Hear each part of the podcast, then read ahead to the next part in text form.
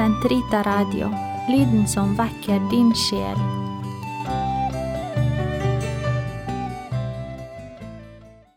Den katolske kirkes katekisme, uke 7, lørdag, paragraf 1810 til 1816.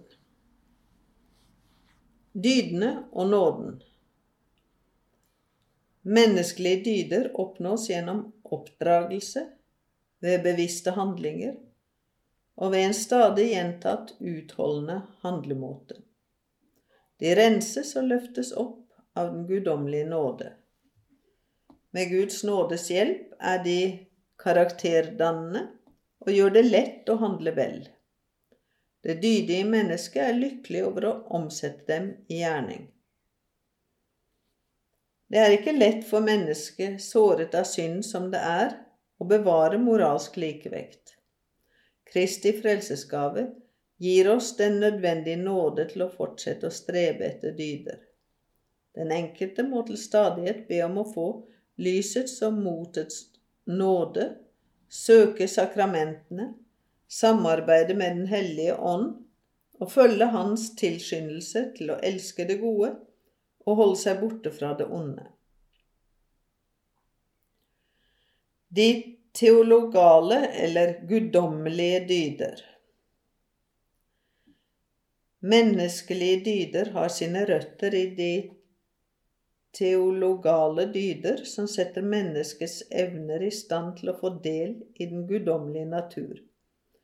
Fordi de teologale dyder forholder seg umiddelbart til Gud.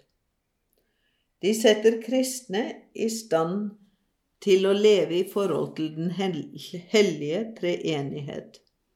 De har den ene og trefoldige Gud til opphav, beveggrunn og gjenstand. De guddommelige dyder begrunner, besjeler og kjennetegner kristnes moralske handlemåte.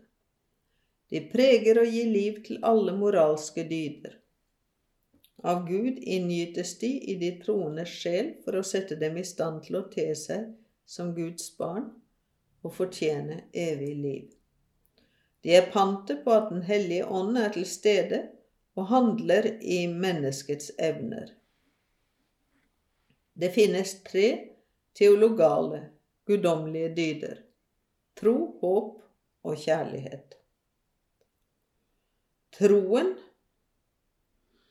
Troen er den guddommelige dyd ved hvilken vi tror på Gud og alt det Han har sagt oss og åpenbart for oss, og som Den hellige kirke fremlegger for oss å tro.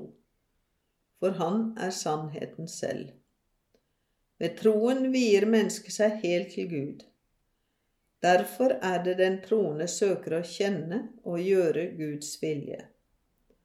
Den rettferdige skal leve i kraft av sin tro. Levende tro er virksom i kjærlighet. Troens gave forblir i den som ikke har syndet mot den. Men en tro uten gjerninger er død. Uten håp og kjærlighet forener ikke troen den kristne fullt ut med Kristus, og gjør ham heller ikke til et levende lem på hans legeme.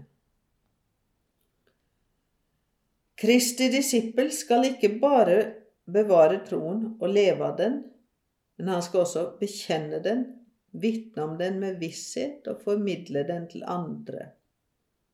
Alle bør være rede til å bekjenne Kristus for menneskene og følge ham på hans vei mot korset gjennom de forfølgelser Kirken aldri er foruten. Å tjene og vitne om troen er nødvendig for å bli frelst.